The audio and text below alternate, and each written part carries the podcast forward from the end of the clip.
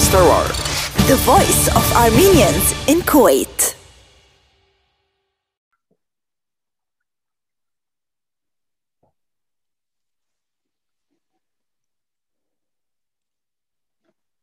Շատ լավ։ Հաղթանակները գերդվին հավաքական ուժով եւ անսագար միասնականությամբ։ Սերունդները կտաստերակվին անցյալի բադվապեր ավիշով, իսկ հուսավետ աբական նախ կփայլի անոնց փոցավար աչքերում մեջ, ապա բակմության կանցարանի հարստության մաս կգազմեն։ Մայիս 28-ը հայ ժողովրդի միասնագամությամբ ցերկ բերված այն հարստությունն է, որու ժառանգորդներն ենք մենք բոլորս։ Հետևաբար հազար փառք մայիսյան հաղթանակը գերդողներում։ Սիրելի բարեկամներ, ողջուն Քուվեյթի հայտարարի հանձնախումբի անունով ծեր բոլորին եւ նամանավանդ մեր հյուրին պրոֆեսոր Աշոտ Մելքոնյանին, որ ընտարաճեց մեր ապակի մեր հրավերին։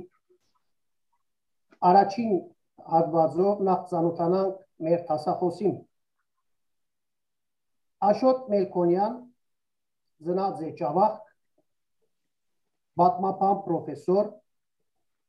ավարտած է Երևանի Պետական համալսարանի պատմակիրական բաժանմունքը 1982-ին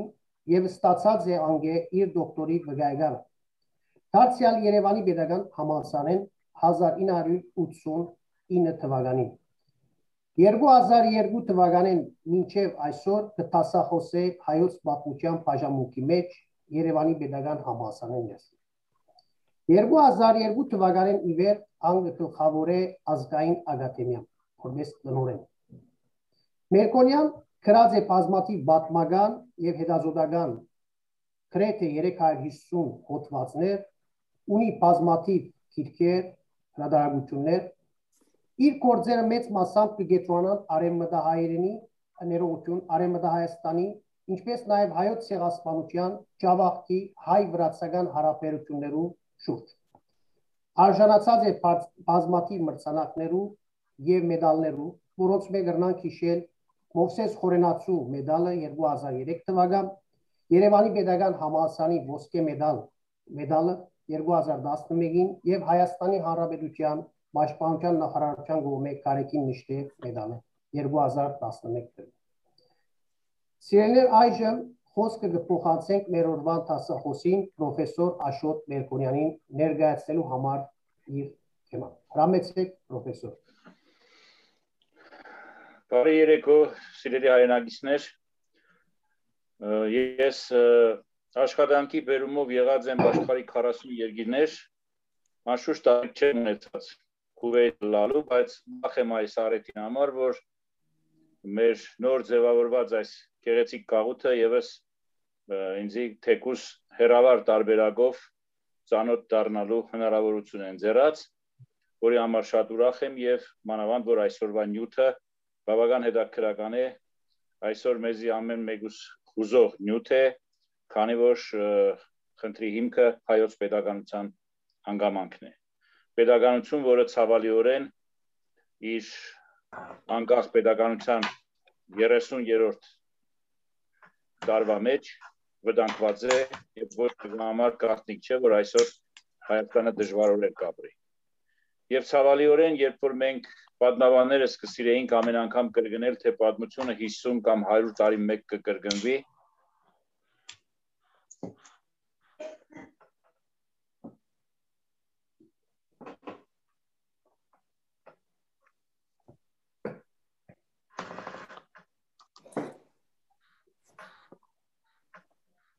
քանի որ 100 տարի անց մենք գրեթե նույն վիճակի մեջ հայտնվեցանք եւ այդ իմաստով կփորձեմ այսօր իմ դասախոսության ընթացքին պատմական զուգահեռներ անցկացնել առաջին հանրապետության եւ երրորդ հանրապետության այսօրվա վիճակի միջև եւ որու նպատակը պիտի լա հասկանալ թե ինչու մենք անկախ պետություն հրճագել են 3 տասնամյակ անց այս վիճակի մեջ հայտնվեցանք եւ արդյոք մենք առաջին հանրապետության 2.5 տասնամյակի 2.5 տարվա սխալները նորից չկրկնեցինք եւ պատմությունը այդ իմաստով նորեն իր կրկնությունը ունեցավ մեր ժողովրդի պարագային 1918-ի մայիս 28-ը իսկապես շրջադարձային երևույթ է այ ժողովրդի պատմության մեջ եւ խոսելով առաջին հանրապետության պատմության մասին կարևոր է ընդգծել հետեւյալ հանգամանքը ինչ պարագաներու, ինչ նախադրյալներու մեջ ասպարեզ եկավ առաջին հանրապետությունը։ Քանի որ ցավարիորեն եւ օդարները եւ նույնիսկ մեր որոշ պատմաբաններ ու քաղաքական գործիչներ այն կարծիքին են, որ ռուսական կայսրության փլուզում են յետք մենք դադարեցանք անկախության եւ այդ անկախությունը չէինք ուզեր, այդ անկախության համար չենք պայքարած եւ այդ անկախությունը սկուդերի վրա, ափսեի վրա ուղագի մեզի մատուցեցին օդարները։ Ընթուք մինչև թրքական կողմը մատուցեց այդ անկախությունը մեզի, ինչպես այդ մասին գխոսին թուրքերը, ասելով թե Թալատ Փաշայի մեծ ցանկություններ ունենալ հարևան անկախ Հայաստանի Հանրապետություն։ Եվ կրնակ երևակայել, որ այսօր կան հայ պատմաբաններ, որոնց աշխատություններու մեջ կարմիր թելին ըմպես կանցնի այս տխուր միտքը, որը իրականության հետ որևէ կապ չունի։ Ամենեն կարևորը, որ առաջին հանրապետության ասպարեզ գալը պատահական երևույթ չէր։ Մարտիկ կրնան օրինակ բերել, որ ինչու հայ ազգային քաղաքական կուսակցությունները հստակորեն իրենց ծրագիրներու մեջ անդրադարձ չէի նրանց անկախության խնդրին։ Մեր երեք ավանդական կուսակցությունները իրենց ծրագիրներու մեջ քաղաքական գխոսեին միայն Բերլինի 61-րդ հոդվածի ուժով բարենորոգումներու խնդրի մասին եւ բնավ իրենց ծրագիրներու մեջ չէին անդրադարձ չէին ներ անկախության գաղափարի։ Թերևս հնչյակյան կուսակցության ծրագրի մեջ այսպես շատ աղոտ հերավոր պատկերացում կար Հայաստանի երեք մասերու՝ Ռուսա-Հայաստանի, Թրքա-Հայաստանի եւ Պարսկա-Հայաստանի շատ հերավոր ապագային միավորվելու եւ մեկ պետություն ստեղծելու մասին գաղափարը կար։ Բայց հայ արաբական դաշնակցության, արմենական կուսակցության, որ հետո համանդիր ռամկավարները մեջտեղ եկան, հայ ժողովրդական կուսակցությունը, ասոնք իրեն ծրագրերու մեջ անգամ մասին չէին խոսել բայց ադիգա պատահական չէր, քանի որ հայ ժողովրդի օրհասական ծանր վիճակը ուսակցություններուն գստիբեր առաջին խնդիրը իրենց գործունեության դարձնել Արեմեդյան Հայաստանի արտադրության կամ 61-րդ հոդվածի ուժով ինքնավարություն ստեղծելը անգե հետ նոր մտածել անկախության մասին։ Այնպես որ ծրագրային փաստաթղթերու մեջ անոր բացակայությունը բնավ չէր նշանակել թե անկախության գաղափարը մեր ուղեղներու մեջ խորապես նստած չէր։ Փաստ 1915-ին, երբ որ հայ կամավորական ջոկատները մեկը մյուսի յետևեն իրենց դրոշները բարձեցին մայիս 5-ին 6-ին Վանի Միշնաբերդի վրա ամեն մարդ կխոսեր անկախ Հայաստանի վերականգնման հնարավորության մասին։ Եւ արդյոք պատահական էր, որ ռուսական զորքերու հրամանատար գեներալ Նիկոլաևի կողմէ Արամ Մանուկյան նշանակվեցավ 15 թվականի Վանի ինքնապաշտպանության գլխավոր կազմակերպիչ Արամ Մանուկյան նշանակվեցավ Վան Վասպուրականի նահանգի նահանգապետ նահանգապետ դառնալով աստիճանաբար շատ դանդաղորեն ստեղծեց հայոց pedagogical ապագա մոդել, ապագա նախագիծը եւ պատահական չէ որ իշխանության զանազան լծակները 15 թվականի մայիսին մինչև հուլիսյան գախտը ձևավորված էին, իրենց կառույցները կային եւ այս կառույցները հետագային 1917-ի վերջավորության Արամ Մանուկյանը որոշեց տեղափոխել Երևանի նահանգ, երբ որ ռուսական կայսրությունը փլուզման եզրին էր, այլևս գոյություն չուներ կայսրությունը, Ռոմանովներու միապետությունը, անոր փոխարինած էր ժամանակավոր կառավարությունը անգևերջ տեղի ունեցավ բոլշևիկյան համայնավարական հեղաշրջումը 17-ի հոկտեմբերին եւ Արամ Մանուկյան առաջինն էր որսավ մենք պիտի ձգենք Թիֆլիսը եւ երթանք Երևան քանի որ Թիֆլիսը մեզի ապա անիկա Վրաստանի մայրաքաղաքն է, թեպետ շատերը դժգոհ էին ասելով, որ Թիֆլիսն ավելի շատ հայկական քաղաք է, քան վրացական, բայց հայրենիքը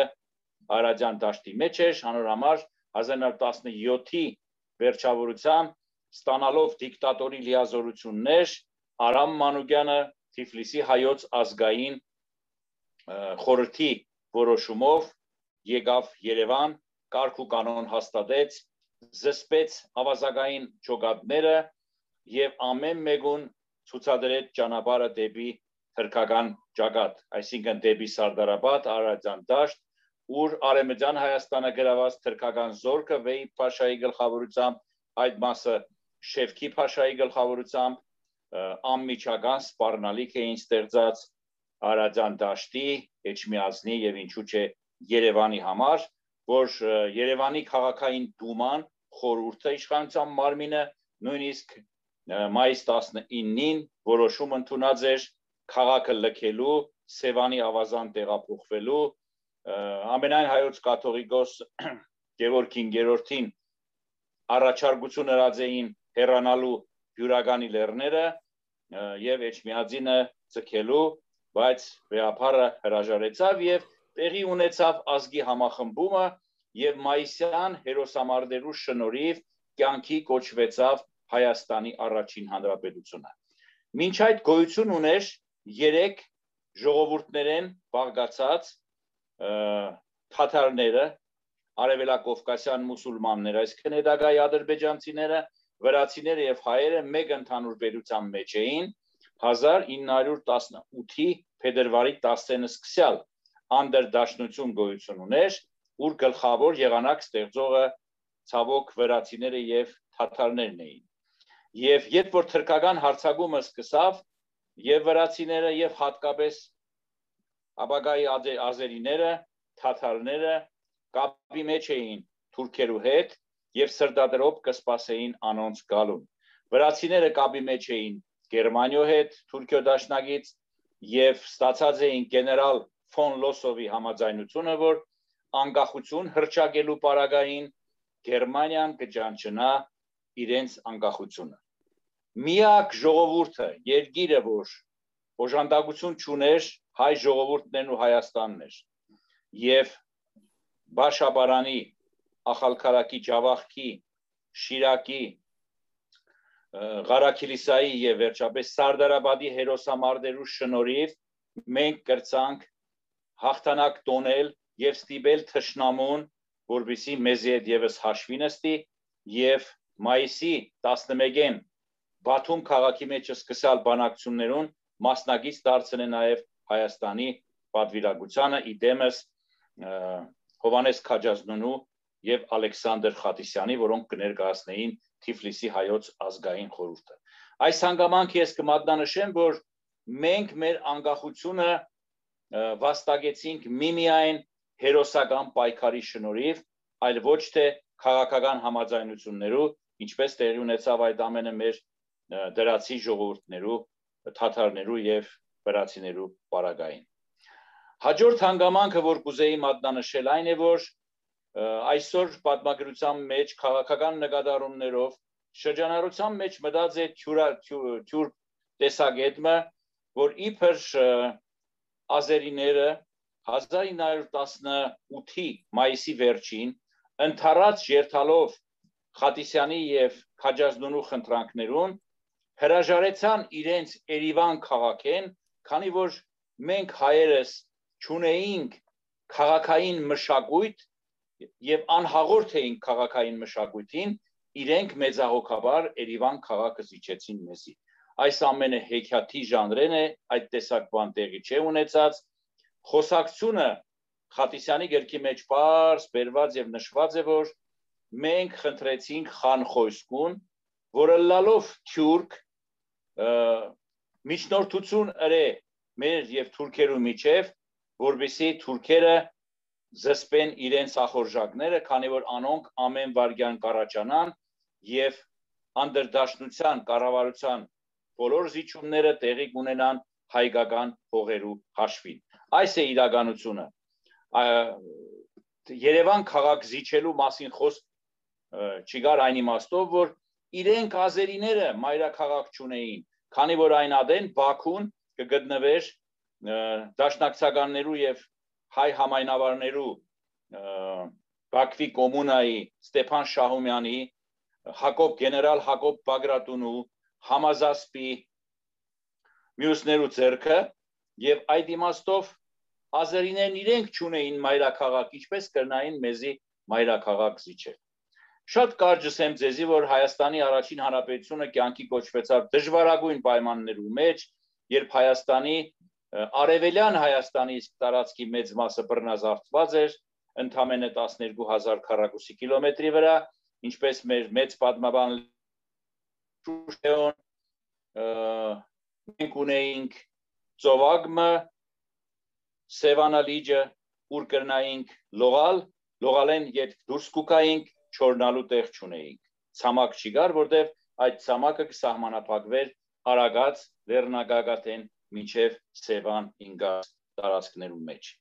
բայց ընդամենը 6 ամիս անց երբ տեղի ունեցավ Թուրքիո պարտությունը Մուդրոսի զինադատարով 1918-ի հոկտեմբերի 30-ին Հայաստանի տարածքը աստիճանաբար ընդարձակվեցավ եւ 1919 թվականի մայիսին սկսյալ Հայաստանի տարածքը հասավ գրեթե 70000 քառակուսի կիլոմետրի այսինքն Զանգեզուրը եւ Արցախը դարձան ինքնավար կազմավորումներ փաստորեն Հայաստանի Հանրապետության հսկողության ներքո մայիս ամսենը սկսյալ 19 թվականի մեր հսկողության տակ անցավ Նախիջևանը, այնուհետև Կարսի մարզը, բրիտանացիները, անգլիացիները օժանդակեցին մեզի, որ մենք այդ տարածքները մեր հսկողության տակ վերցնենք։ Ցավոք Արցախի խնդիրը ուշացավ եւ միայն 1920 թվականի Շուշիի ջարդերեն յետ 1920-ի մարտին, երբ սկսավ հայ բնակչության ապստամբությունը Խոսրով Բեկ Սուլթանովի դեմ, գեներալ Ջարդարար, որը կազմակերպած էր Շուշիի կոդորազները 1920-ի մարտ 22-23-ին, ապրիլ ամսուն տեղի ունեցավ Արցախի հերթական 9-րդ համագումար ազգային խորհրդի, որը նկատի առնելով, որ հայկական զորքերը Գորիսեն, Դրոյի եւ Նժդեի գլխավորությամբ մտած են Շուշի, հրճագեց Արցախը որպես Հայաստանի Հանրապետության անբաժան մաս։ Բայց եկավ 1920-ի ապրիլի վերջը։ Հայաստանի վիճակը կարծես թե արդակին իմաստով բավական բարենպաստ վիճակի մեջ էր 1920-ի հունվարեն Անտանտի եվրոպական երկրները պաշտոնապես հայտարարեցին Հայաստանի Հանրապետությունը ճանչնալու մասին եւ այդ կարևոր իրադարձությունը նշանավորվեցավ Հայաստանի մեջ, Երևանի մեջ 101 թնդանոթային հadoop համազարգերով ապրիլ 23-ին 1920-ի պաշտոնապես Արմեն Գարոն ճանչվեցավ որպես Հայաստանի Հանրապետության դեսպան ներկայացիչ Միացյալ Նահանգներու մեջ։ Հայաստանի դեսպաններու թիվը տարբեր երկրներու մեջ հասավ 30-ի։ Ընդհանուր մինչև Դիանա Աբգար կին առաջին դիվանագետները մեկ աշխարհի մեջ, որ դարձավ Ճապոնի մեջ Հայաստանի Հանրապետության դեսպանը։ Միքայել Վարանձյանը հայտնի պատմաբան դարձավ Իտալիո մեջ մեր դեսպանը։ Ավետի Սահարոնյանը Ֆրանսայի եւ Մեծ Բրիտանիայի մեջ։ Իշխան Հովսեփյանը 7-րդ կամավորական գնդի հրամանատարը պատերազմի մեջ Պարսկաստանի մեջ մեր դեսպանը։ Արշակ Ջամփոլադյանը Հյուսային Կովկասի մեջ ժամանակավորապես, հետև Արշակ Ջամալյանը Վրաստանի մեջ եւ այսպես շարունակ հյուսիսային Կովկասի հանրապետության մեջ ռուսական ունեցանք մեր դեսպանությունը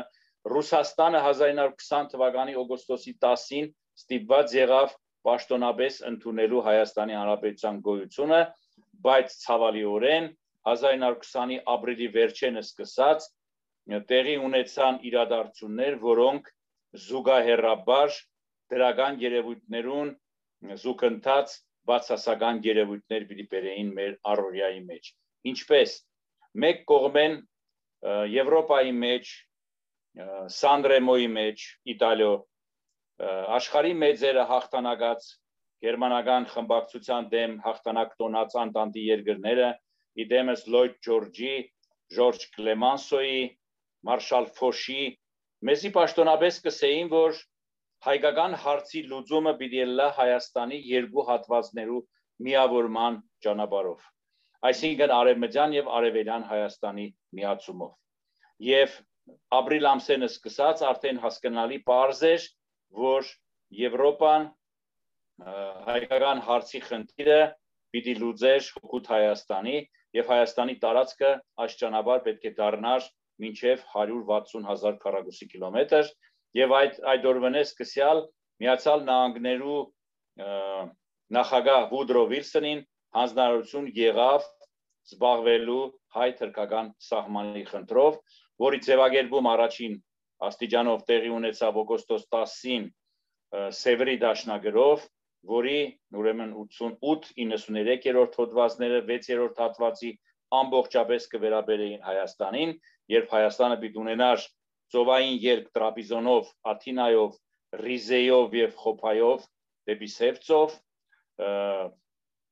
գումարյալ Էրզրումի նահանգի, Վանի նահանգի եւ Բիտլիսի նահանգներու մեծ մասը շուրջ 90000 քառակուսի կիլոմետր եւ Հայաստանի տարածքը այն ադեմ պետք է դառնար 160000 քառակուսի կիլոմետր։ Բայց Թուրքիո մեջ այդ օրերուն սկսած քեմալական շարժումը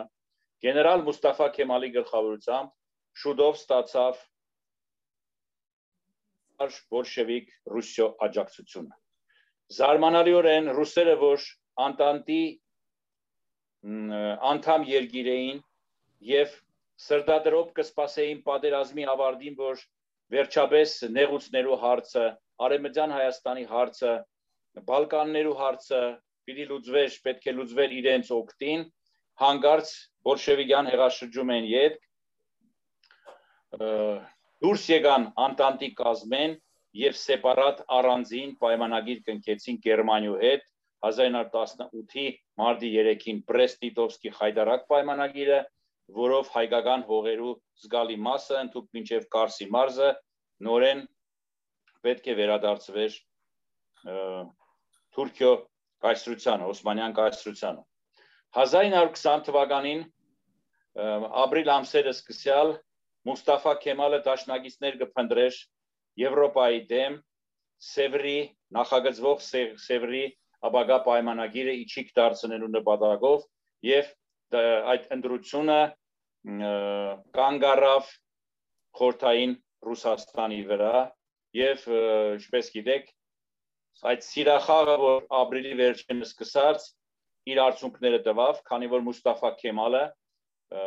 հավատացուց Վլադիմիր Լենինին, Խորհրդային Ռուսաստանի կառավարության նախագահին, որ միջնորդ կհանդիսանա Ադրբեջանը, մուսավաթականը անկախ Ադրբեջանը խորթային դարձնելու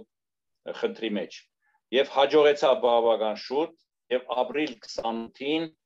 11-րդ կարմիր բանակը ռուսական մտավ Բաքու եւ Ադրբեջանը դարձավ խորթային։ Դառնալով խորթային անմիջապես ստացավ խորթային Ռուսիո աջակցությունը։ Պատահական չէ, որ 11-րդ Կարմիր բանակի ռազմական խորհրդի անդամներ Սերգեյ Կիրովը եւ Սերգո Օրջոնիգիձեն ապրիլի վերջին հերագիր հղեցին Հայաստանի Հանրապետության երրորդ վարչապետ Համո Օհանջանյանին պահանջելով որ Օհանջանյանը զորքերը դուրս բերե Արցախեն, Սյունիքեն եւ Նախիջևանին, Նախիջևանեն անոնք նկատելով որպես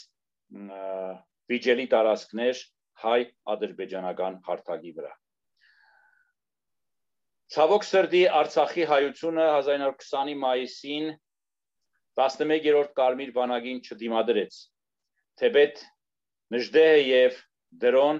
փորձերերին 11-րդ Կարմիր բանակի առաջխաղացումը դադարեցնելու, կեցնելու իմաստով, բայց հաջողություն չունեցան։ Հանրապետության վարչապետին գրած նամակի մեջ դրոն գխոստովաներ, որ եւս մեկ շաբաթ եթե ես մնամ Շուշիի մեջ, զինվորներս ամենը կդառնան ռուս բոլշևիկ, որտեղ սկսած է սարսափելի դասալքություն։ Եվ ստիպված եղան նժդեհն ու դրոն վերադառնալ նորեն Սյունիք։ Բայց Արհավիրքը կախված է նաև Սյունիքի վրա, 11-րդ Կարմիր բանակը մտավ նաև Սյունիք, անոր հետ նաև թրքական եւ թաթարական զորքերը, որոնք արյունալի ռեժիմ հաստատեցին բռնատիրական վարչակարգեր նաև Սյունիքի մեջ, հուլիսի 5-ին գրավեցին Գորիսը, նժդեը փորձեց սյունեցիներին կազմակերպել անոնց պայքարը Կարմիր բանակի դեմ հաջողություննորեն ճանաչան հայ զինվորը հրաժարեցավ կրվելով կրվել ասելով որ ես ռուսի դեմ չեմ կրվի բայց նժդեը կսեր որ ձեր գիտած ռուսը չեն ասոնք ասոնք ավելի վատթար են ասոնք բոլշևիկ համայնավար են եւ թուրքերու դաշնագիծը բայց ստիպված նժդեը քաշվեցավ խուստուբ եւ Սյունիքի մեջ եղան բռնաբարություններ, սպանություններ եւ ժողովուրդը նորեն իր հայացքը ուղեց դեպի Խուստուպլերը, խնդրելով զորավարին վերադառնալ։ Այստեղ էր որ Նժդեը գրեց իր նշանավոր նամակը՝ նամակ ապերախտ ժողովրդին։ Ժողովուրդ, ես ցեզի գսեի, որ ասոնք թուրքեն ավելի գեշ են։ Լսող չեղավ ինձի, բայց ես կուկամ նորեն վերադարձավ եւ Պողոս Տեր-Դավթյանի հետ մեկտեղ հոկտեմբերեն սկսյալ ապստամբությունը ունեցավ իր փառայեղ վերջաբանը նոյեմբեր 21-ին Նժդեի զորքերը ազատագրեցին Գորիսը եւ երբ Երևանն արդեն խորհրդային էր 20 թվականի դեկտեմբերի 2-ին սկսյալ դեկտեմբերի 25-ին Նժդեը Սյունիքի մեջ Տաթևի վանքի սեղանատանը հրավիրեց Համազանգեզուրյան առաջին համագումարը եւ Զանգեզուրը հրճակեց ինքնավար Սյունիք հայտարարելով, որ դուրս չի գա Սյունիքեն այնքան ժամանակ, քանի դեռ համոզված չէ, որ Զանգեզուրը պետք է դառնա խորթային Հայաստանի մաս։ Իսկ Փետրվարյան ապստամբությունն յետք 1921-ի Փետրվարեն, երբ ապրիլ 2-ին 11-րդ Կարմիր բանակը նորեն վերագրավեց Երևանը, մտավորականությունը անցավ Զանգեզուր, ուր ապրիլ 27-ին Զանգեզուրը ինքնավար Սյունիքը վերահրճագեցավ որպես Լեռնա Հայաստան։ Իսկ հունիսի 1-ին որ հանրություն։ Սա այս ամենը կմատնանշեմ, որ մեր անկախությունը ոչ թե տևեց ընդամենը 2.5 տարի, այլ իրականության մեջ 3 տարի 1918-ի մայիս 28-ին մինչև 1921-ի հուլիսի կեսը, երբ որ Միասնիկյանի կառավարության հետ բանակցություններին վերջ Նժդեը համոզվելով, որ խորթային ղեկավարությունը հակված է Զանգեզուրը որպես ռազմավարական նշանակություն ունեցող տարածք, որպես պանթուրքիզմի համաթուրանականության դեմ հզոր պատնեշ պետք է մնա խորթային Հայաստանին, այն ադեն Մեղրիի վրայով անցնելով Արաքսկետը հանգրվանեց Թավրիզի մեջ եւ անգե անցավ Եվրոպա։ Ուրեմն Հայաստանի Հանրապետություն իրականության մեջ գոյություն ունեցավ մինչև 1921-ի հուլիսի կեսերը, այսինքն տարածաշրջանի մեջ Վրաստան, Ադրբեջան եւ Հայաստան մենք վերջին կղզին ունեցանք անկախության, շնորհիվ որի եւ Զանգեզուրը մնաց Հայաստանի մաս։ Եկան համայնավարները հարցում այսպես շատ հետաքրական ինչ էր համայնավար Հայաստանը? Երկրորդ հանրապետություն էր թե ոչ։ Գիտեք այսօր անկախական շարժման ագունքներու այսպես հերինակ Պարուր Հայրիկյանը գսե որ միանշանակ երկրորդ հանրապետություն չի կար։ Խորթային Հայաստանը բռնազավթված տարածք էր։ Ինչ կուզե կսեք, կարծեմ ամեն մարդ համամիտ է ինձ հետ, որ երկրորդ հանրապետություն էր, թե հանրապետություն չէր, խորթային Հայաստանը միանշանակ հայրենիք էր։ Ուներ սեփական սահմաններ, սեփական կառավարություն, որը կկոչվեր մինիստրներու խորհուրդ, մինչև մինչ այդ կկոչվեր ժողովրդական կոմիսարներու խորհուրդ։ Հետո վերանվանվեցավ 46 թվականի մինիստրներու խորհուրդ։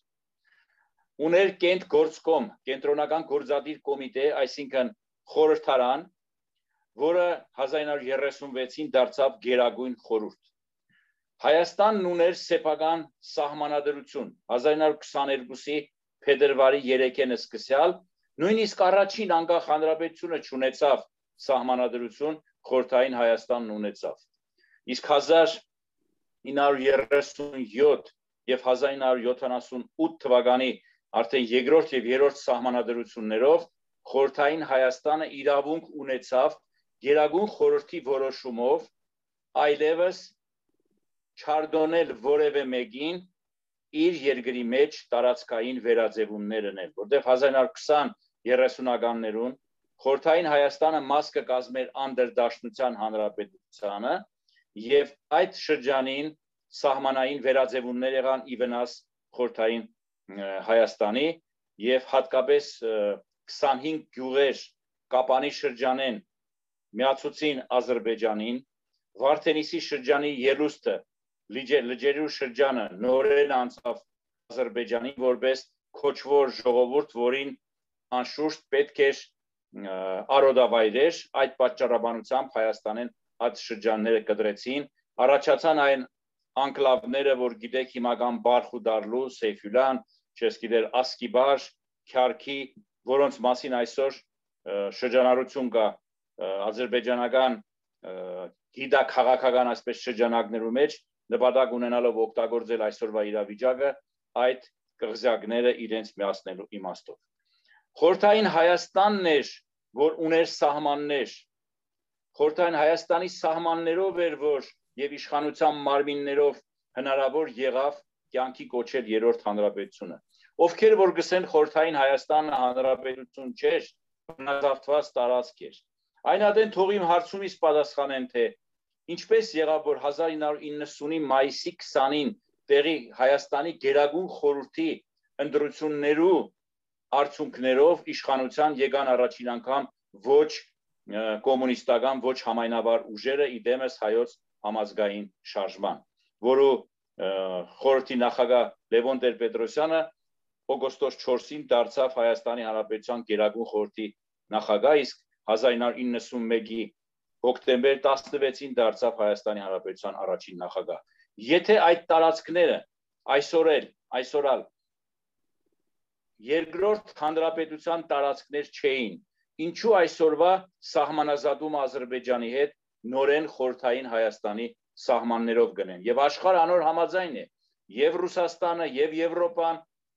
կսեն, որ ելագետը պիտի լինի լա խորթային Հայաստանի սահմանները։ Ուրեմն այս երկիրը, եթե մենք համեմատենք միջնադարյան pedagoganություններու հետ, մելիքություններու հետ, սղնախներու հետ,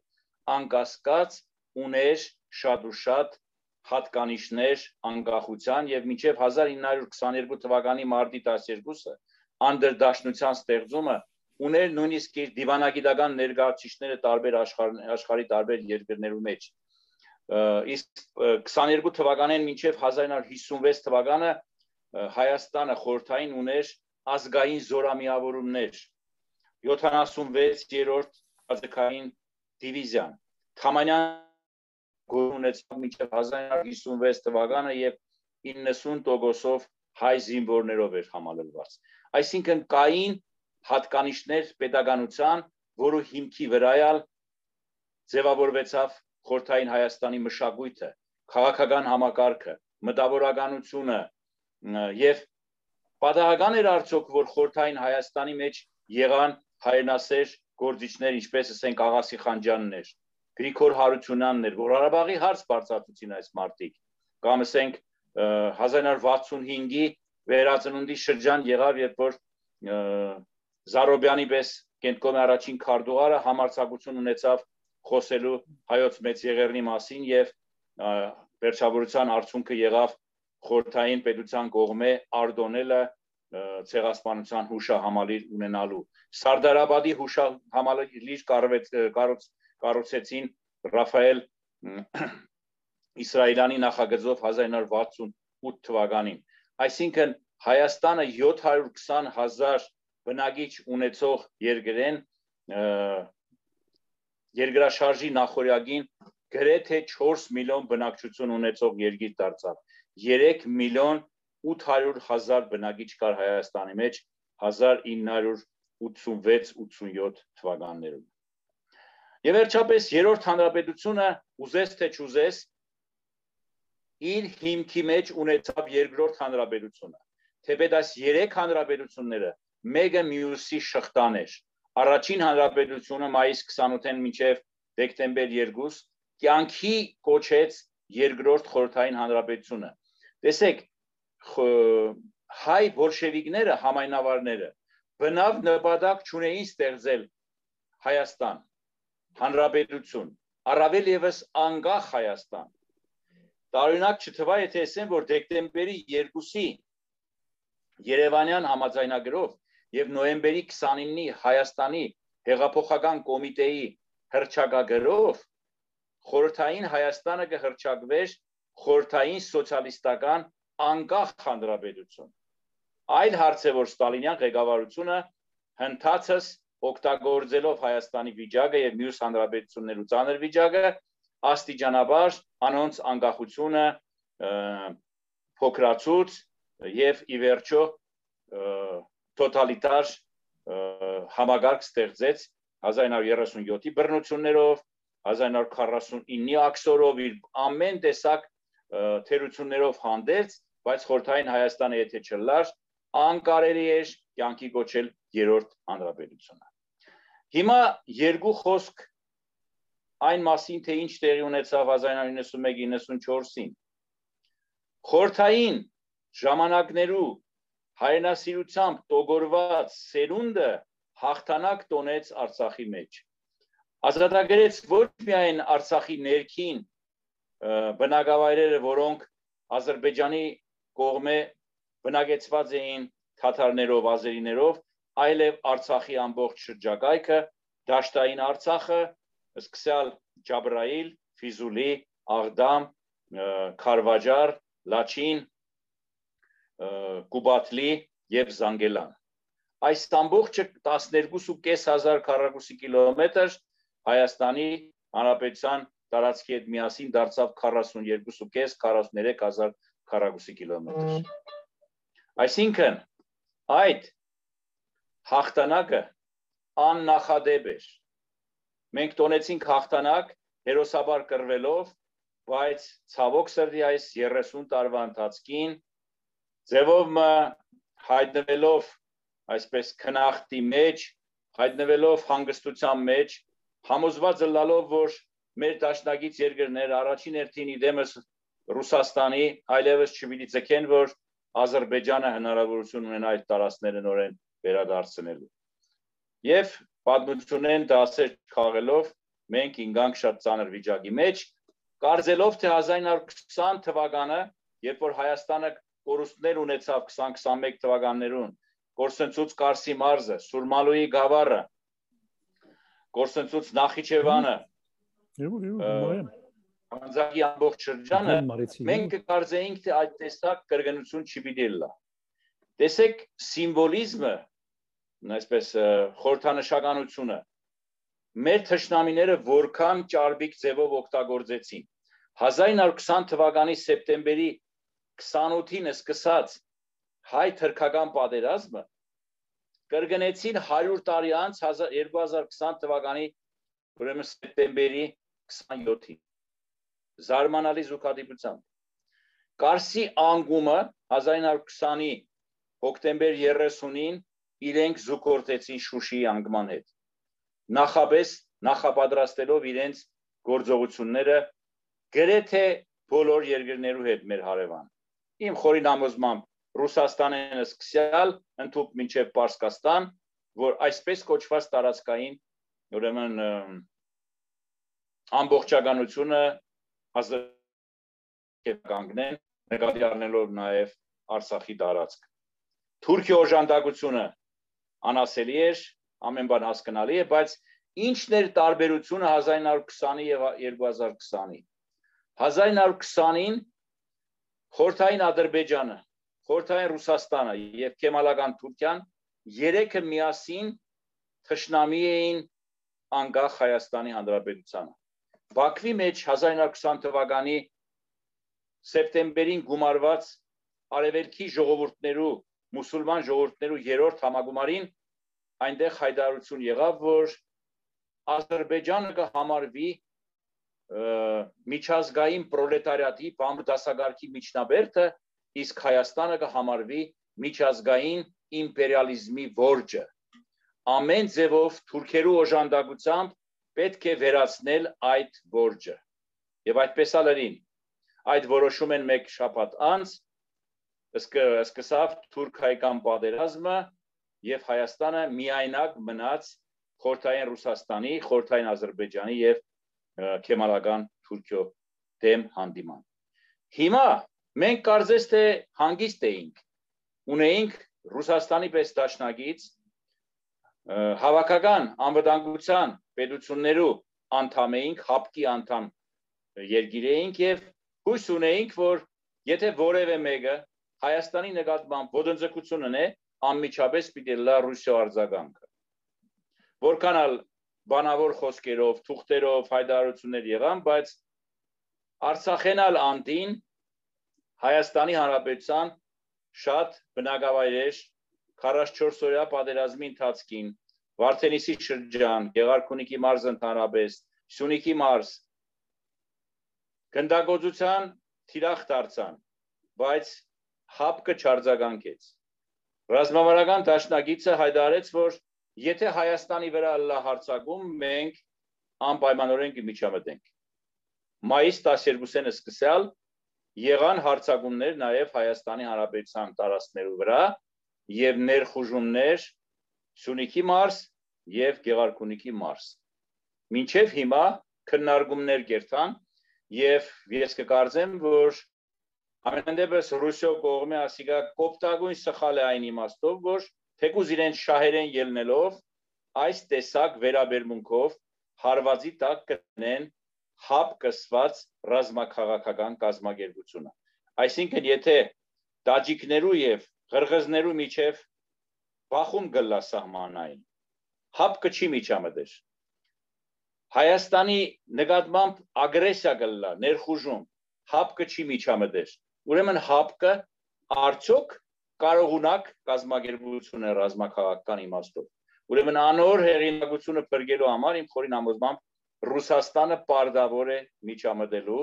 եւ այս անգամ այնպես ինչպես 1993-ին, երբ որ թրքական զորքերը Իգդիրի տարածքին ամբողջ Արաջան դաշտի ուրեմն արևմտյան հատվածով Արաքս գետի աճ ափով շարված էին զորքերը Մարշալ Շապոշնիկովը, Մարաջախ Շապոշնիկովը հայտարարություն հրավ որ եթե մեկ զինվոր անցնի Արաքսն ու Ախուրյանը այդ ամենը կնշանակի երրորդ համաշխարհային պատերազմ։ Հիմա այդ տեսակ հայտարարություններ չի կան։ Երբ ռուս մասնագետներուն կհարցնես, անոնց պատասխանը հետեւյալն է։ Հայաստանը մեր ռազմավարական դաշնակիցն է, իսկ Ադրբեջանը ռազմավարական գործընկերը։ Ես կսեմ բացատրեք ինչ կնշանակե մեկը ռազմավարական դաշնակիցն է, մյուսը ռազմավարական գործընկերը։ Այդ տեսակ կարգավիճակ ես չեմ հանդիպած որևէ տեղ։ Եվ ամենեն կա 44 օրյա պատերազմի ընթացքին Հայաստանը պարտություն ունեցավ, այդ պարտությունը հավասարապես կվերաբերի նաև մեր ռազմավարական դաշնակից Ռուսաստանին։ Եվ իրենք շատ շատերը մանավանդ զինվորականները այո կընդունին որ իրենց դաշնակցի պարտությունը հավասարազոր էր նաև իրենց պարտության ինչպես կրնա ռուսիոպես երգիրը ձգեր որ իր դաշնակիցը պարտություն ունենա անկախ այն բանեն թե հաղթանակ տանողը իր ռազմավարական գործընկերն է որուն զենք վաճառեց որուն նաև զինեց մեր դեմ ինչու՞ չէ նաև օթային այն պաշտպանության համագարկը որ կար համենայն դեպս մեզի չբավարարեց կամ եթե բավարարեց մասնագիրը որտեղ եղան ժամանակներ որ մեր օթային տարածքը դարձավ խիստ խոցելի եւ S300 հագաօթային պաշտպանության համագարկերը իրենց հավուր պատճաճի չդրսևորեցին այս ամբողջը ժամանակի մեջ անդրաժեշտ է քննարկել եւ հասկանալ թե իրողությունն ինչ է Հայաստանի մեջ այս վիճակը կտանի այն բանին որ օրեցօր կավելնա հագարուսներու թիվը։ Օրինակի համար ասենք այնպիսի քաղաքական ուժ, ինչպիսին ազգային ժողովրդավարական բևերն է։ Շատ քիչ համագիրներ ունեին ասմարտիկ, հիմա օրեցօր անոնց թիվը կավելնա։ Եվ ես ռուս պաշտոնյաներուն հանդիպումներու ընթացքին ասած եմ, որ եթե դուք այդ տեսակ քաղաքականությունը շարունակեք երկու խաղ խաղալով եւ Ադրբեջան եւ Հայաստան ասելով մեզի համար հավասարապես նույն հարթության վրա գտնվող դաշնակից երկրներ են այս ամենը կտանի եւ վերջո Հայաստանի մեջ ռուսասիրության օրեցօր պակասին եւ գուցե եւ առաջացնե նաեւ ռուսատյացություն ցավալիորեն այս ամբողջը կնշեմ բայց այս ամբողջը իրականություն է մենք 100 տարի առաջ Ռուսաստանն ունեինք որպես հագարագործ երկիր անկախ Հայաստանը լալով, հիմա Ռուսաստանն ունենք որպես դաշնագից երկիր, դաշնագից, որը որ այո, դաշնակցային կրնանք սեպարդականություններ գնե Արցախի մեջ, խաղապահ զորքերու մուտքը անկասկած օգտակար էր մեզի համար, բայց այս ամենը այս տեսակ ցկելով անհասկանալի վիճակով լիմիտացիա եւ դեմարկացիա պահանջելով Ադրբեջանի պես ագրեսիվ երկրի հետ, այդ կնշանակե հայկական նորանոր տարածքներու կորուստ, որտեղ գիտեք, որ այսօր օրակարգի մեջ է շատ ցավալի խնդիրը, որ իմաստը հետեւյալն է։ Ադրբեջանը կպահանջի մեզ մե Տիգրանամուտ գյուղը, որը գիտեք կգտնվի Պարուշ Սևագի ծննդավայր Չանախճի գյուղեն ոչ հերու գլխավոր խճուղու վրա երասխավանեն, երբ որ գերտած դեպի Սևագավան։ Կնշանակի, որ եթե այդ գյուղը անցնի Ադրբեջանին, ամբողջ հսկողությունը դեպի Սյունիք եւ Արցախ ու Պարսկաստան կհայտնվի Ադրբեջանի հսկողության տակ։ Եթե Տավուշի մարզի Բարխուդարլու, Սեյֆյուլան, չեմ գիտեր Ասկիբար գյուղերը իրենց եւս 2-3 փոքրիկ գյուղակներով հանդերձ եթե անցնի Ադրբեջանին նորեն կնշանակի ամբողջ հյուսիսային Հայաստան եւ Վրաստան ավտոխջուղին գլխավոր մայրուղին կհայտնվի Ադրբեջանի հսկողության տակ։ Իսկ նույնիսկ եթե մեկ գյուղ, որբիսին Արձվաշենն է, որը 1992 օգոստոսի սկզբին անցավ թուրքերու ձեռքը, վերադարձվի Հայաստանին, որ շատ կարևոր գյուղ է մեզի համար ռազմավարական իմաստով չի հավասարակշռե այն կորուստը, որ մենք Տավուշի եւ Արարատի մարզի մեջ ունենանք այդ գյուղերը փոխանակելու պարագային։ Եվ ցավալին այն է, որ այս տեսակ համաձայնություններ կնքելու կնքել են առաջ Հայաստանի Հանրապետության բնակչությունը չի իրազեկվի Ամենանդեպս մենք որպես պատմաբաններ ու մտավորականներ խիստ մտահոգված ենք եւ մեր կարծիքը տարբեր հարթակներով հայտնած ենք, որ այդ տեսակ փոփոխությունները անթույլատրելի են։ Ինչ կվերաբերի Հայաստանի ապագային, ես խոսքս եզրափակելով մինչև հարցումներն ասեմ հետեւյալը։ Պատմությունը կհուշե, որ շատ մտահոգ չպիտի լանք։ Ավելի շուտ հուսահատ չպիտի լանք, մտահոգ պիտի լանք Քանի որ 1915-ի հայոց մեծ եղերնեն 3 տարի անց հայ ժողովուրդը ուղեց մեջքը եւ կյանքի կոչեց Հայաստանի առաջին հանրապետություն։ 1988 թվականի աշխարհացունց երկրաշարժեն 3 տարի անց, երբ որ մենք 25-ին 55000 զոհ ունեցանք, 514000 մարդ մնաց անօթևան, Հայաստանի տարածքի 1/3-ը բնակարանային իր ամբողջ ֆոնդով քանդվեցավ մենք 3 տարի անց ունեցանք Հայաստանի առաջին հանրապետություն, որն այնքան հզոր գտնվեցավ, որ Արցախի հանրապետության հետ մեկտեղ ձեր ձերքի տված հաղթանակ տոնեց 7 միլիոնանոց Ադրբեջանի դեմ ունենալով 3.5 միլիոն բնակչություն։ Ուրեմն ես հավատացած եմ, որ ժամանակաշրջաններու համեմատությամբ այսօրվա մեր վիճակը անկասկած շատ ավելի լավ է, քանի որ Հայաստանի Հանրապետությունը միջազգային իրավունքի սուբյեկտ է։ Հայաստանի Հանրապետությունը աշխարհի 80-ն ավելի, մինչև 100 երկրներու մեջ դիվանագիտական հարաբերություններ ունի, ՄԱԿ-ի անդամ է, ունի հզոր զինատեսակներ, ցեզի կհավատացնեմ նաև հրթիռներու, սկատ հրթիռներու իմաստով Իսկանդերի, որը գրեթե չօգտագործվեցավ պատերազմի ադենը, ունի միջուկային այսպես թափոններ մեր մեծամորի ատոմակայան են մնացած, որոնք եւս լուրջ վտանգ են, եւ այնպես որ ունի նաեւ բանակ, գնալ այդ բանակը ձերքերը կապված են, ես խորաբես համոզված եմ, որ մեր ապագան լավ պիտի լա։ Մենք այլ ընդրանք չունենք։ Ադրբեջանի լկտի ցինիկ պահվածքը մեզի կմոտիվացնե, որ մենք վաղվա օրվա նկատմամբ շատ ավելի խելացի գտնվենք եւ նորեն տոնենք հաղթանակ, ինչպես 1992-94 թվականներին։ Շնորհակալություն, խնդրեմ հիմա հարցումներ։ Շնորհակալություն պրոֆեսոր այս ընդարձակ զեկույցին, այս ընդարձակ ներկայացման համար։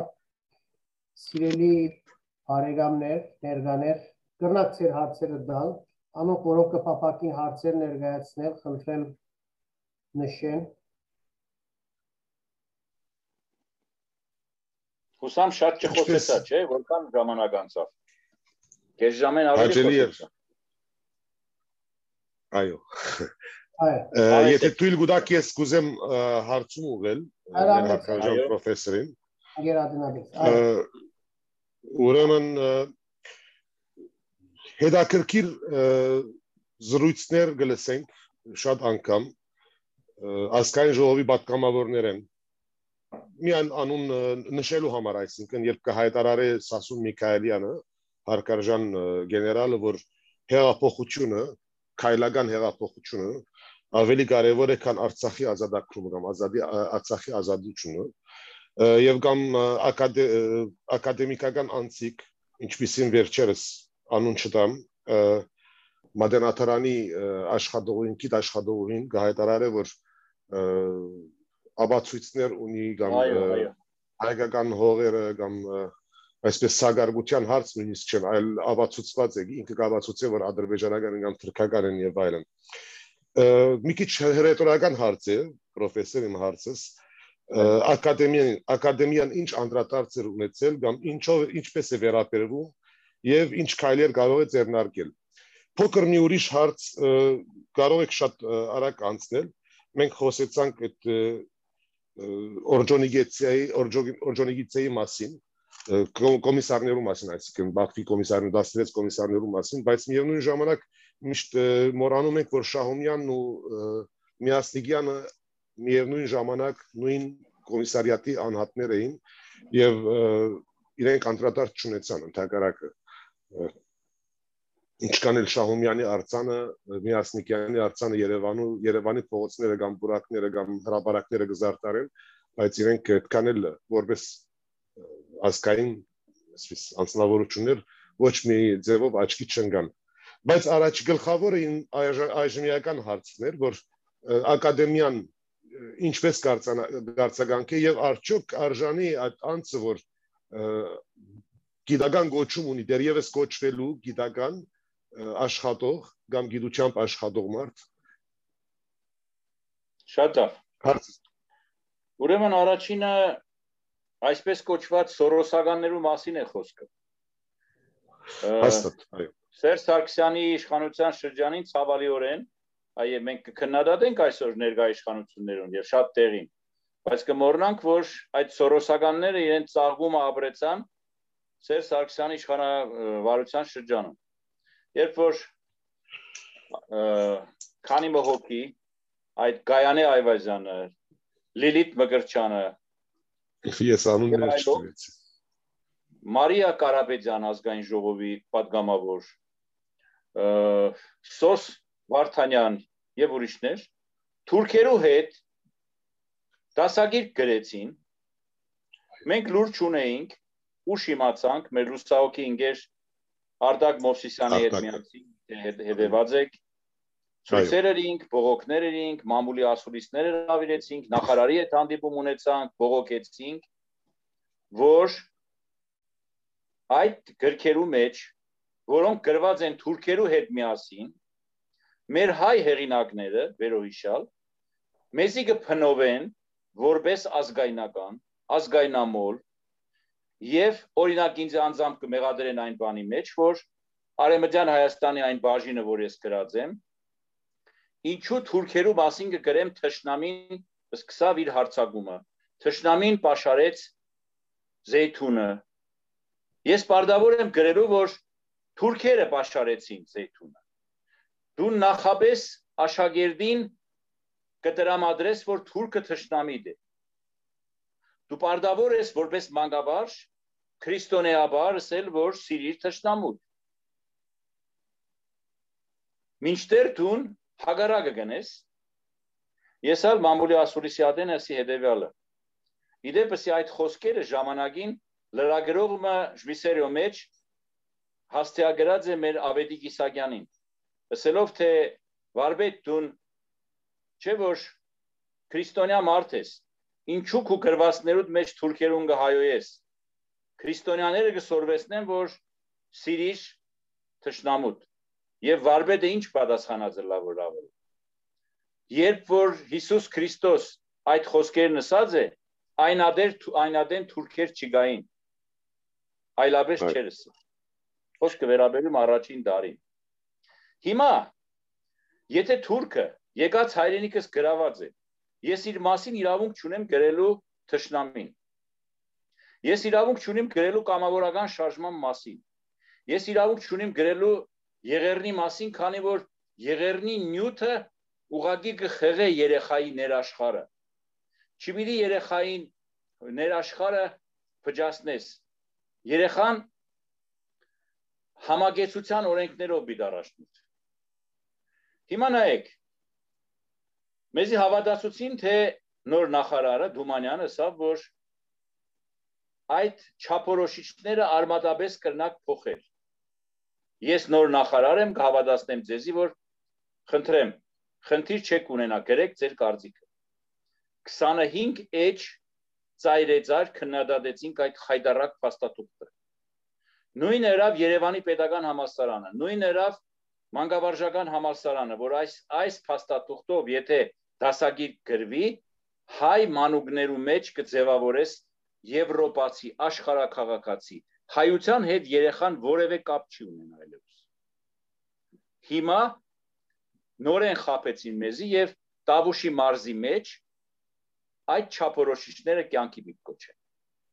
Անոր համարար ակադեմիան հայտարարություն ըրավ, որ այդ չափորոշիչները մեզի համար անընդունելի են, մենք այդ տեսակ դպրոցական դասագրքեր գրելու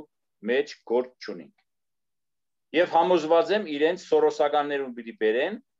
եւ եվրոպական ամերիկյան դասագրքերը կամ թրքական դասագրքերը, որ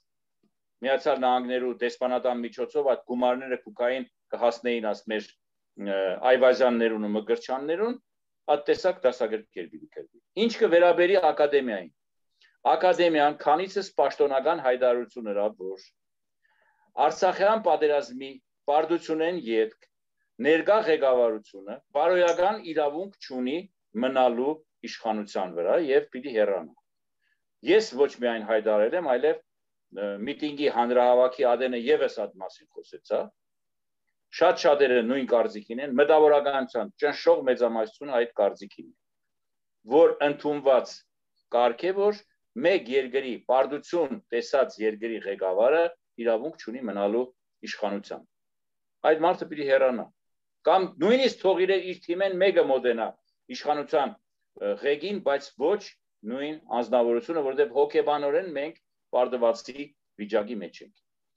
Հիմա Այդ մարդոց նկատմամբ տեսեք Մադենադարանի անունը գշոշափվի մեջ։ Այս աղջիկը, այդ Գայանե Այվազյանը, 3 հոգի հոգի է բաղկացած արեստակցական միություն պրոֆսոյուս ստված է ստեղծած է եւ գիշեր ցերեկ հերուրանքներով է զբաղված եւ ազերբայջանական հերոստատեսություններուն անընդհատ ինտերվյուներ գուտա որ մենք 30 տարի գրաված էինք Ադրբեջանի հողերը Ընդամենը 1 կիլոմետր առաջ են եկել, ինչ եք վայնասում բարձացել։ Ամոթ է։ Եվ Ադրբեջանի մեջ հերոսուհի է դարձած ասաղջիկը։ Եվ համոզված եմ, ասոնք դրամ կստանան դուրսել։ Անկարելի է։ Եվ երբ որ նայես ադոնց քշած օթոները եւ ապրաստուները, հասկանաս թե ինչը ինչ է։ Ես կկարծեմ, որ նոր իշխանությունը ամենայն դեպս հունիս 20-ին հետո ասոնց վերջը պիտի դա այլապես ասոնք մեր վերջը կգա եւ ասեմ ձեզի ասոնց մեկ մասնալ շատ հանդուրժողական վերաբերմունք ունին միասերականներու հանդեպ լեսբիներու հանդեպ, չեմ գիտեր զզվանք կարաչացնել կովս այդ խոսքերը որ գսեմ, բայց աս է իրականությունը։ Աս մարդիկ նաև ադոնց հետ կապեր ունին եւ խորհրդարանը գուզեն լեցնել այս տեսակ մարդոցով։ Շնորհակալություն։ Ընտրեմ։ Բավարարված։ Շատ լավ հարցեր, եթե կան, սիրելի ներկաներ, եթե հարցեր ունի, կրնակ ցեք բարձացել, ընկեր Դիկրան, այո, հրամեցեք ընկեր Դիկրան։ Ընկեր Գարո, ընկեր Դիկրան առաջ դոկտոր Հրայր ցեք բարձացած էր։ Չի նկարեցինք, լավ։ Հրամեցեք դոկտոր Հրայր։ Պրոֆեսոր Մերկոնյան նախ եւ առաջ շատ շնորհակալ ենք այս շատ համաբարձակ ներկայացումին համար նամանավանդ որ երեք հարաբերությունները ինչպես իրարու հետ գաբեցիկ եւ ադիգա շատ շատ կարեւոր իրականությունն է որ մենք բոլորս պետք է գիտնանք ես ասիկա մի քանի անգամ հոդվածներու մեջ ալ անդրադարձած եմ եւ գարձեմ ցեզ դալ բաժնեցեցա որ այո այո երբ որ մենք կմեզնայինք պրոֆեսոր բադանեգության մեր դարներուն սովետական Հայաստանը թե մոդիգեր թե հերու էր մեզի համար դեսակ մի շվարած վիճակ ունենք պրոֆեսոր անգլիզ ասած որովհետեւ հայրենիք էր եւ հայրենիք չէր այս ասակի փամն էր բայց սովետական Հայաստանը նաև մեծ ներդրում ունեցավ մեր ասկային մշակութային ինքնության գերդումին մեջը պատանեկութենի տիպի երդասարտություն եւ ադոր համար ծեր այս թեզը մեծապես կքննադեմ եւ կփաշնեցիմ ցեզի հետ երբ ծեր վերլուծումներուն գեհդեվինք եւ գեհդեվի հետևեցա հիմա առաջին հարաբերությունն երկրորդ հարաբերություն եւ երրորդ հարաբերություն ինձի համար այս վերջին շրջանին եւ դարձյալ մի քանի անգամ հոդվածներով անդրադարձա pedagoganաշինության հարցը գմդահոգեզիս պրոֆեսոր եւ հատկապես այս վերջին 30 տարիներու ընթացքին դեսա թե մենք պետք է ղազի չափ կարևորություն չդվինք pedagoganաշինության հասկացողության ծեր մասնակիտական ներդրումը գուզեմ իմանալ որ առաջին հարաբերության եւ երկրորդ հարաբերության մեջ իմ դպավորությունս աներ որ շատ ավելի ամուր pedagoganություն ունենք եւ երրորդ հարաբերությունը ժառանգեց այս առաջին եւ երկրորդ հարաբերություններու pedagoganությունը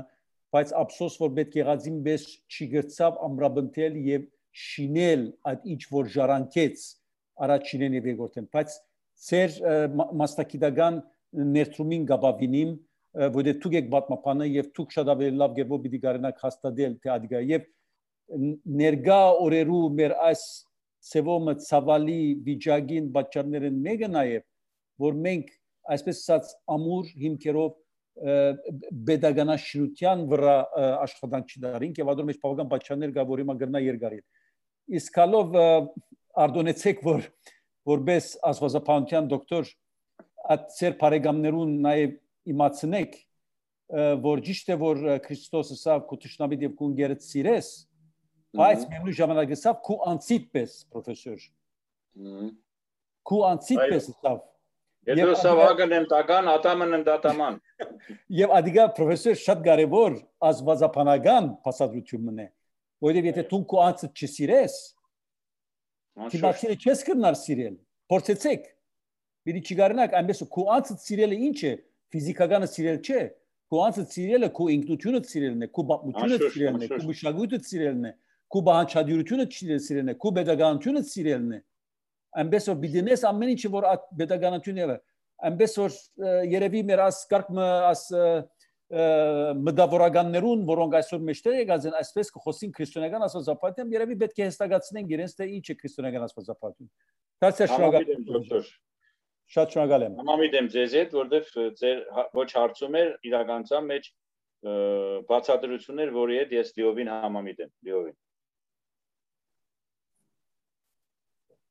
Շատ լավ, ընկեր Դիկրան, ռամեցեք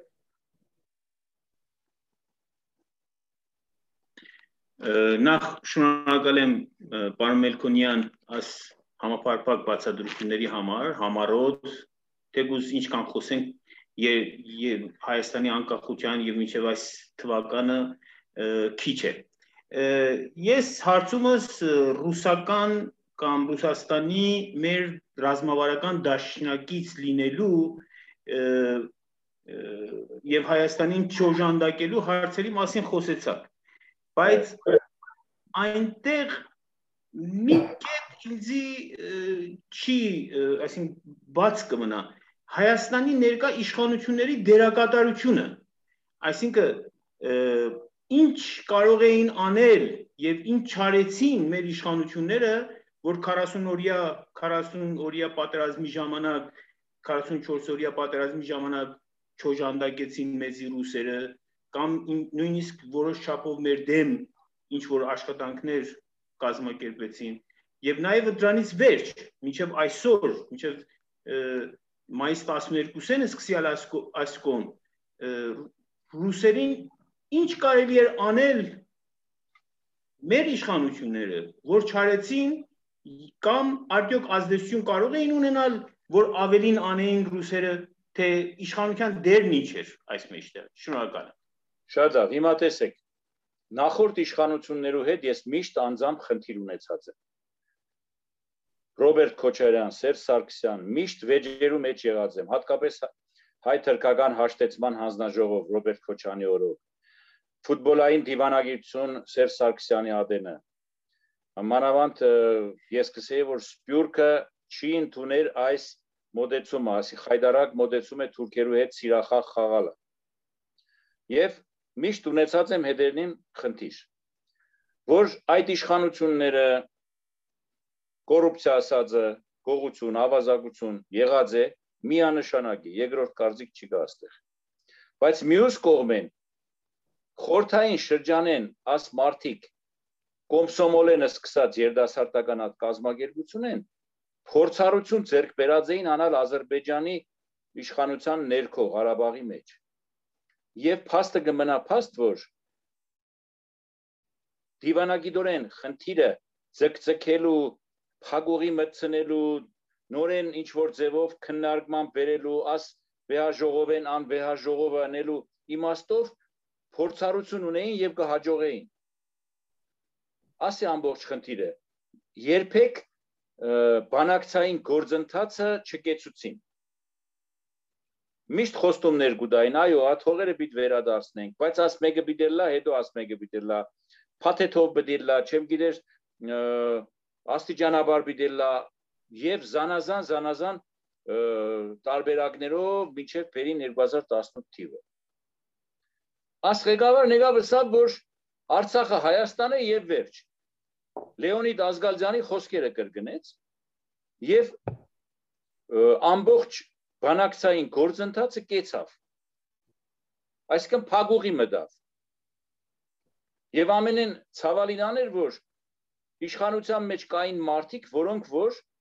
ռուսո մեջ ցույցերում մասնակցած էին, պաշտոնյաներ շատ բարձր։ Ի պաշտպանություն Պուտինի հագարագորտ այդ բանի անունը հիշեցեք Նավալնի Գիտեք, չէ, Պուտինի գլխավոր թիվ 1 հագարագործն է Ռուսիո մեջ։ Կարմիր հրաբարագի մեջ ցույց կնեին կամ Հայաստանի մեջ ի պաշտպանություն Նավալնիի։ Ով է Նավալնին։ Նավալնին Եվրոպայի մարդն է, թե Ամերիկայի մարդը չեմ գիտես, նաև հագահայկական բավական հայտարարություններ երած է, ազգայնամոլ մեկն է։ Քաղաքացիական պայմանագիր կուսակցության անդամները անոր օկտին քարոզ գնեին Պաշտոնյա մարդիկ ինձի ռուսասին որ գիտես գիտեք մենք մորցանք այդ մասին հիմա հագարակը գխոսին Ռուսաստանին դաշնագից կհամարեն եւ մեզի կգովաբանեն բայց մենք չենք մորցած որ աս մարդիկ մեր դեմը գխոսեին ապրիլյան պատերազմը ամբողջապես մեզի վերագրեցին իրենք գսեին որ 16 թվի ապրիլյան պատերազմը Ռուսաստանն է սանձազերծել Ձեր ինչ կորզներ այդ տեսակ բանսելով ինչ շատ կոպիտ կրնա խոսքս հնչի, այդ ասեմ ռուսերուն ինչու կկադրեսնեիք։ Եվ ամենեն կարևորը. բանակցային գործընթացը փագուղի չպիտի տանեին։ Եվ վերջը եղավ այնպես, որ Ադրբեջանը կրծավ սցենարիոմը մշակել, որը մինչև վերջ տրամաբանորեն վերավ եւ հասցուց իր ավարտին։ Եվ մենք մնացինք աս ամբողջեն դուրս կամ ասենք Ֆրանսիայի նախագահի Facebook-յան էջի գրառումը կարդացիք դուք որ պատերազմի շրջանին առաջարկել է ռազմական օգնություն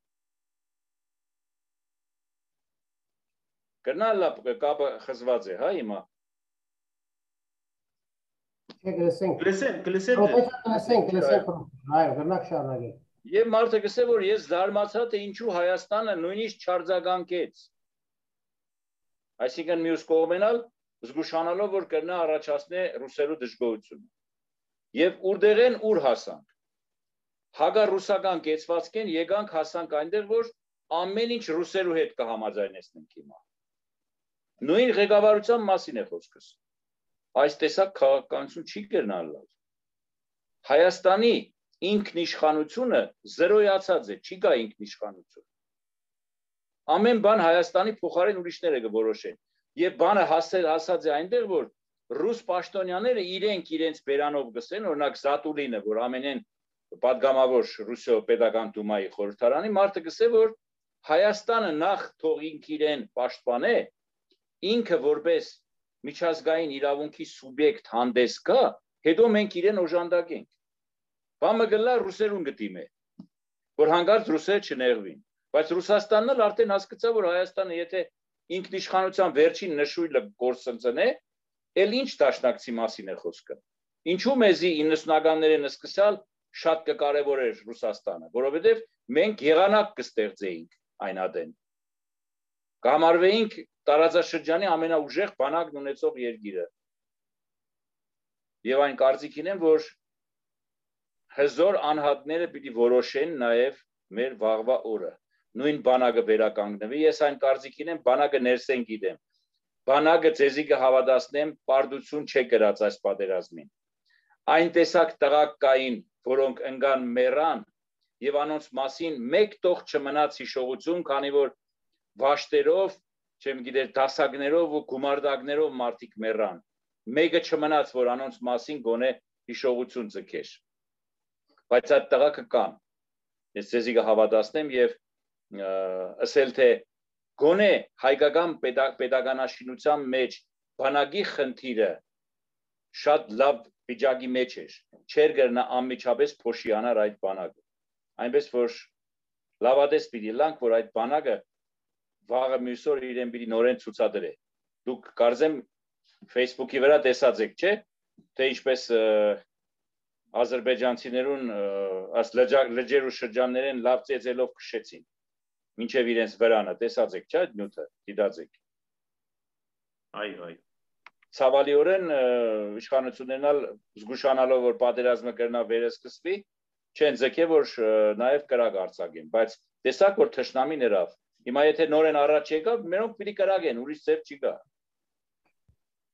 Եվ մարդոց մեջ են հանել այն հիմար մտայնությունը, թե որքան զիջենք Ադրբեջանին, այնքան պատերազմը մեզ մեկը հեռանա։ Չի հեռա։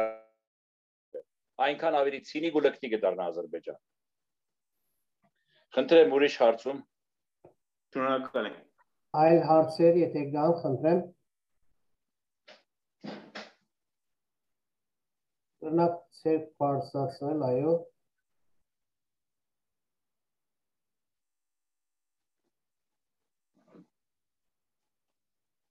Շատ լավ։ Եթե այլ հարցեր չկան, մենք ներկաներուն եւ հայտարարի անստամբի անոր շնորհակալություն գայտնենք մեր շատ սիրելի պրոֆեսոր բարոն Աշոտ Մելքոնյանին այս ընթարցակ հասախոսության համար շատ շատ շնորհակալ ենք պրոֆեսոր եւ գսենք ինչ հանդիպում։ Ես հուսամ, որ հաջորդ հանդիպմանը շատ ավելի լավատեսորեն դրամադրված խոսելիք, ասելիք կունենանք եւ հավատացեք ինձի, որ այդ օրը պիտի գա։ Ես ուղղակի կսպասեմ առաջին խոշոր հաղթանակին։ Որորը որոտ հաղթանակը լա, մեր դիմաց կանգնած են նույն 90-ականներու ազերբայջանցին օթային ուժերու արգայությունն ու փոփոխությունը Թուրքիա օգնությամբ չի նշանակեր հավերժական։ Խնդիրը նորեն գլուծե հայ զինվորը, որը որ այս վերջին օրերուն համենայն դեպս իրեն կցուցադրե եւ մեր հույսն ու ապավենը հայ զինվորն է։ Աստված մեզի հետ։ Լավ եղեք։ Շատ ուրախ եմ այս հանդիպման համար։ Մինչ նոր հանդիպում։ Astawar. The voice of Armenians in Kuwait.